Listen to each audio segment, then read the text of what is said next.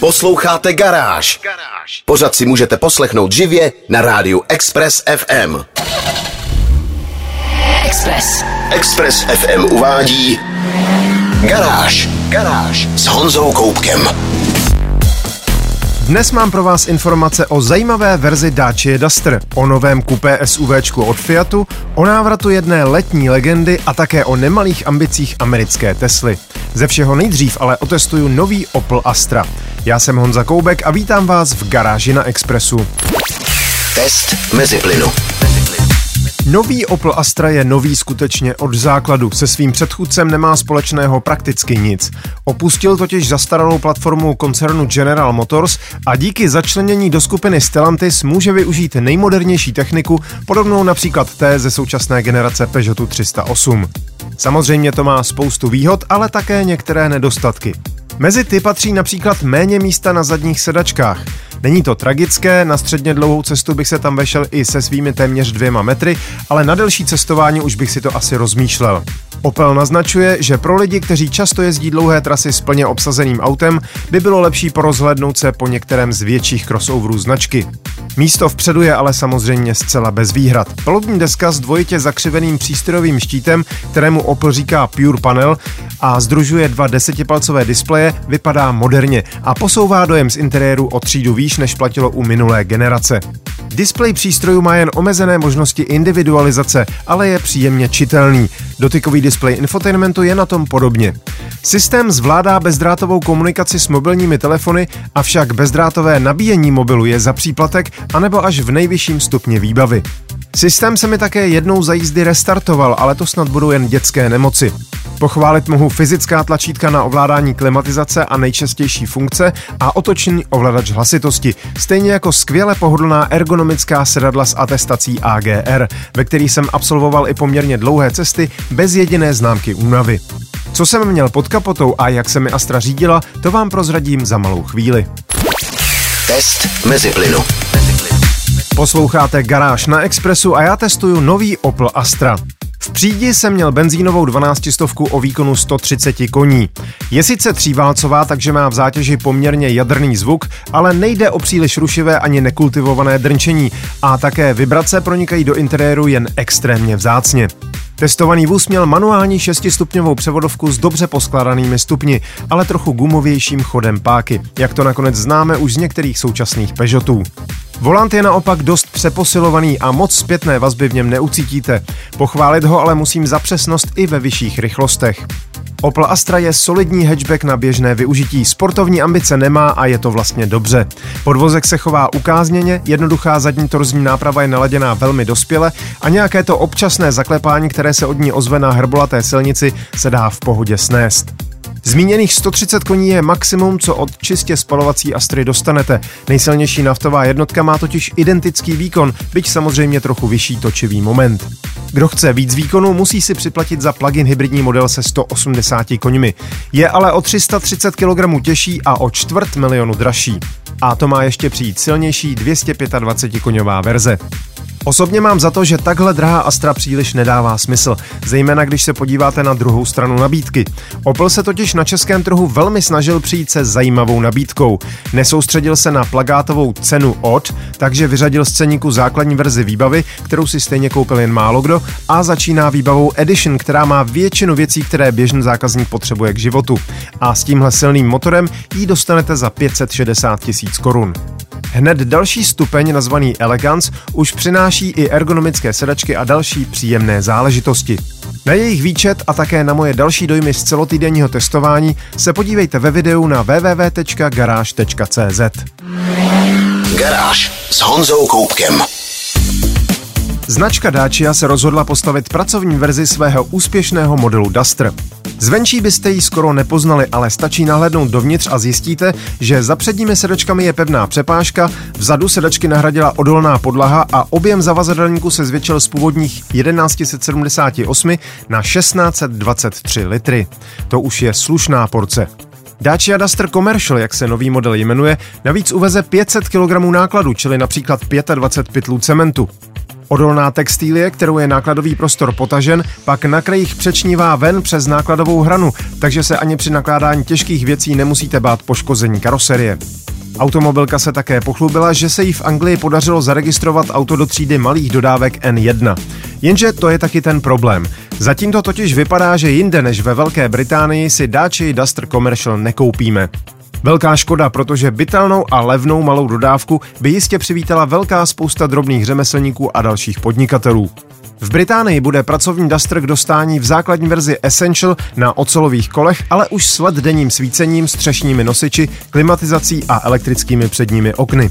Vyšší výbava Expression už má litá kola, mlhovky, parkovací senzory i kameru a u modelů s pohonem všech kol i závěrku středového diferenciálu.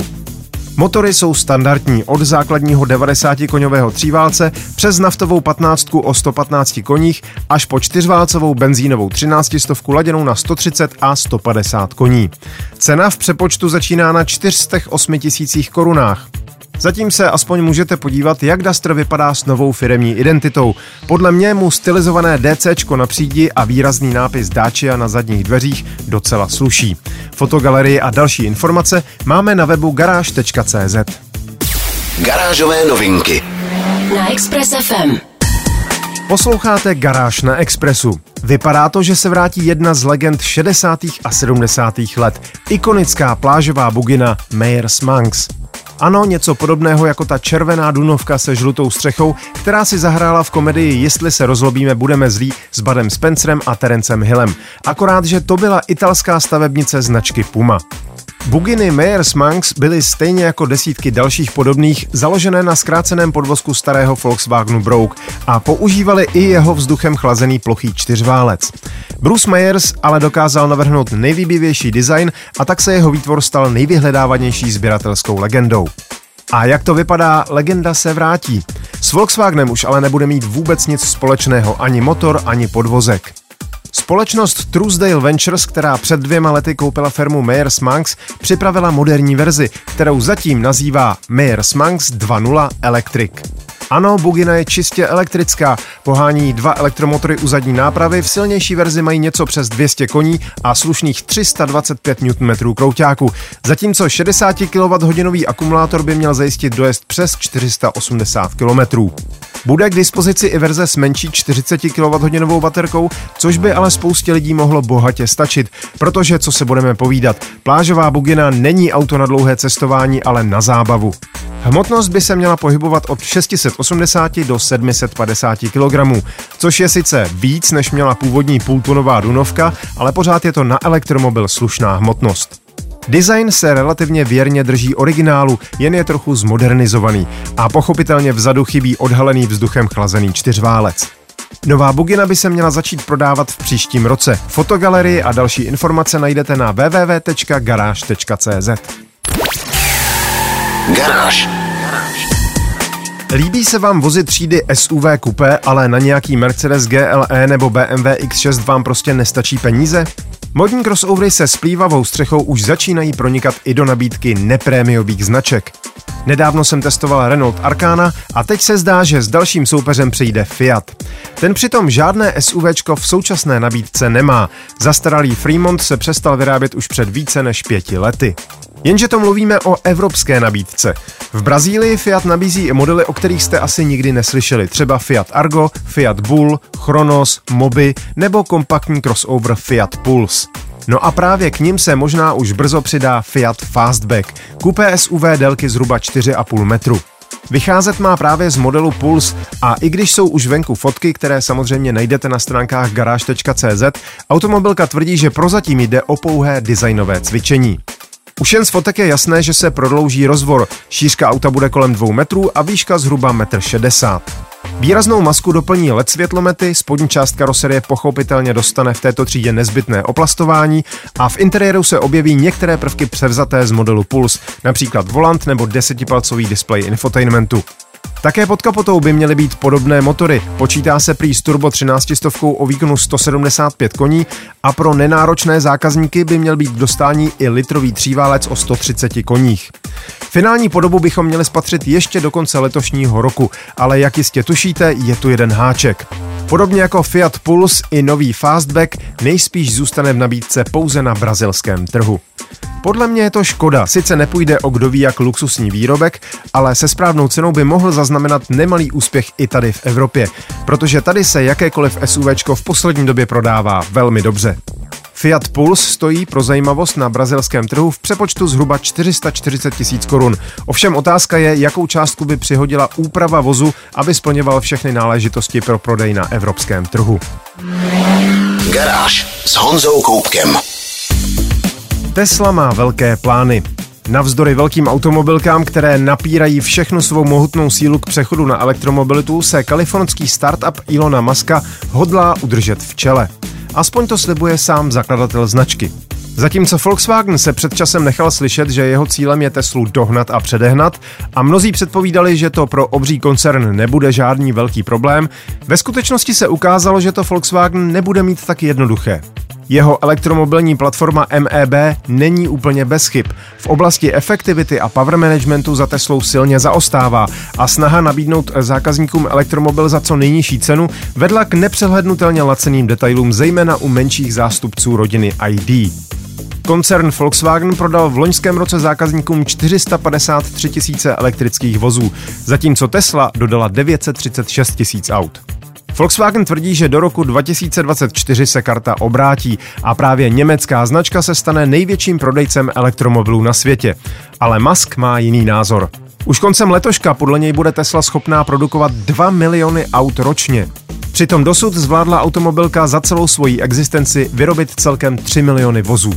Skeptického posluchače hned napadne, že Elon Musk je známý tím, že dokáže naslibovat spoustu věcí, ale realita pak bývá trochu jiná. Na elektrický tahač, futuristický pickup či sportovní roadster zatím čekáme marně, ačkoliv podle maskových původních slibů už měly být dávno v prodeji. Je ale pravda, že továrny Gigafactory 1 a 2 v Nevadě a New Yorku jedou naplno. Trojka v čínské Šangaji už také nabírá obrátky, stejně jako čtyřka v Berlíně a nově otevřená pětka v Texasu. Největším tahounem se má stát Tesla Model Y, tedy menší z crossoverů, který by měl brzy překonat úspěšný Model 3. Tesla by chtěla ročně prodat přes milion Y a tím se zapojit do boje o nejprodávanější auto současnosti. Zda se to podaří je samozřejmě ve hvězdách, zejména tváří v tvář energetické krizi. Nicméně nedá se popřít, že se z mladého startupu stala skutečně úspěšná automobilka. Více informací najdete v článku na garáži CZ. Express. Express. To bylo z dnešní garáže na Expressu všechno. Videa a fotky k dnešním novinkám, stejně jako další nálož informací z motoristické branže, najdete jako tradičně na www.garage.cz. Najdete tam i moje video o povedeném novém Oplu Astra. Zvu vás také na svůj YouTubeový kanál Meziplyn, kde najdete moje vlogy, třetí díl mojí cesty v malém sportáku kolem České republiky a také podcast o autech, který natáčíme s dlouholetým kolegou a kamarádem Honzou Červenkou. Díky za pozornost, mějte se báječně, buďte zdraví, jezděte rozumně a na Expressu naslyšenou zase za týden. Garáž na 90,3 FM. Poslouchejte nás i na rádiu Express FM. Další informace o živém vysílání na expressfm.cz.